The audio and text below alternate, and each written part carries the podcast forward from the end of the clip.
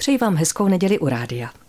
Využila jsem příležitosti a přede mnou u mikrofonu sedí žena, jejíž hlas velice dobře znáte právě z této rozhlasové stanice a její tvář znáte velmi dobře z televize.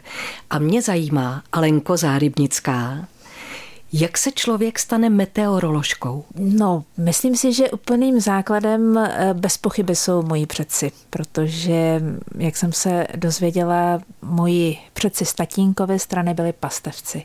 A kdo jiný na světě než pastevec, který musí schánět svoje stádo, dokáže reagovat na to, co se v atmosféře děje, co se odehrává a dokáže eh, svým způsobem předpovídat to, co ho v atmosféře čeká, jinými slovy, jaké bude počasí. A já jsem vyrůstala na letišti, eh, kde vlastně znalost toho, jak bude, byla určující pro nás, pro všechny, jak si ten den naplánovat, jestli někam letět na přelet, jestli naopak se vrhnout na nějaké podpůrné práce a fungovat úplně jinak. A meteorologie byla oborem, který mě umožňoval v tom spíš mužském kolektivu eh, se trvat na nějaké, řekněme, úrovni nebo rovině eh, užitečnosti tomu druhému. Těžko se mohla opravovat něco technického, těžko se mohla se starat o to, aby letadla byla v dobrém technickém stavu, ale Poradit s předpovědí počasí se mohla. A to byl ten zásadní důvod. Meteorologie pro letectví, pro plachtění. To se studuje na vysoké škole? Na jaké? Na matematicko-fyzikální fakultě. A ten moment byl taky jeden z důležitých, protože jsem si říkala, stojí mi to vlastně vůbec za to.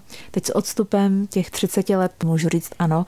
E, nikdy jsem nelitovala toho, že jsem meteorologii šla studovat a že jsem, co já, ale moji profesoři se mnou vytrpěli tolik v těch prvních dvou ročnících, než jsem se stala právoplatným studentem o třetí třetího ročníku.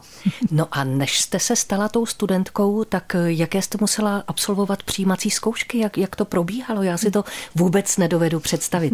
Přijímací zkoušky se tehdy dělaly z matematiky a z fyziky a z nějakých jako společenských věd nebo zákonitostí, ale na druhou stranu, protože mě ta fyzika bavila v souvislostech a v příbězích, tak jsem si řekla, dobře, když zvládnu to, zvládnu se naučit i tu matematiku. A pak se přiznám, musela jsem mít trochu kliku, protože kvůli velkému zájmu o fyziku mezních oborů, kam meteorologie spadá a kam patřila v té době i astronomie, tehdy dokonale popularizovaná panem doktorem Grigarem, tak bylo těch zájemců o studium moc. Tak já jsem byla přijeta na biofyziku a chemickou fyziku, ale po prvním ročníku jsem mohla přestoupit na fyziku mezních oborů a věnovat se meteorologii. Zírám v němém úžasu, protože to jsou obory, které mě naprosto minuly.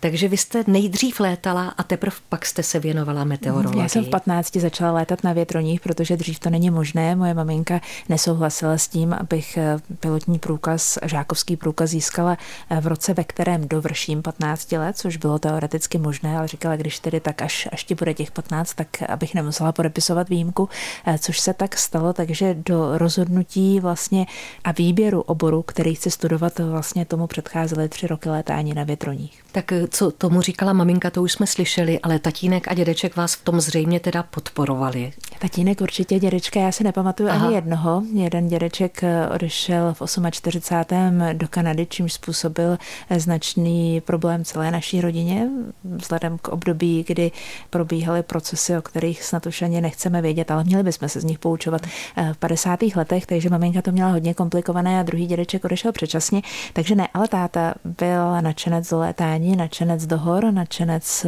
vlastně do života v přírodě a tam si myslím, že jsem podědila, byť eh, řekněme s maminčinými fyzickými schopnostmi, tatínkovi nejrostodivnější plány eh, toho, jak trávit volný čas a letání bylo pro něj zásadní a já jsem to přijala jako věc sobě vlastní. Možná si táta přál mít kluka, já jsem mu tak podvědomně eh, splnila to, že jsem byla tak trochu holka nikoli v sukni a s panenkou, ale s leteckým nebo s modelem letadla v ruce a v kalhotách.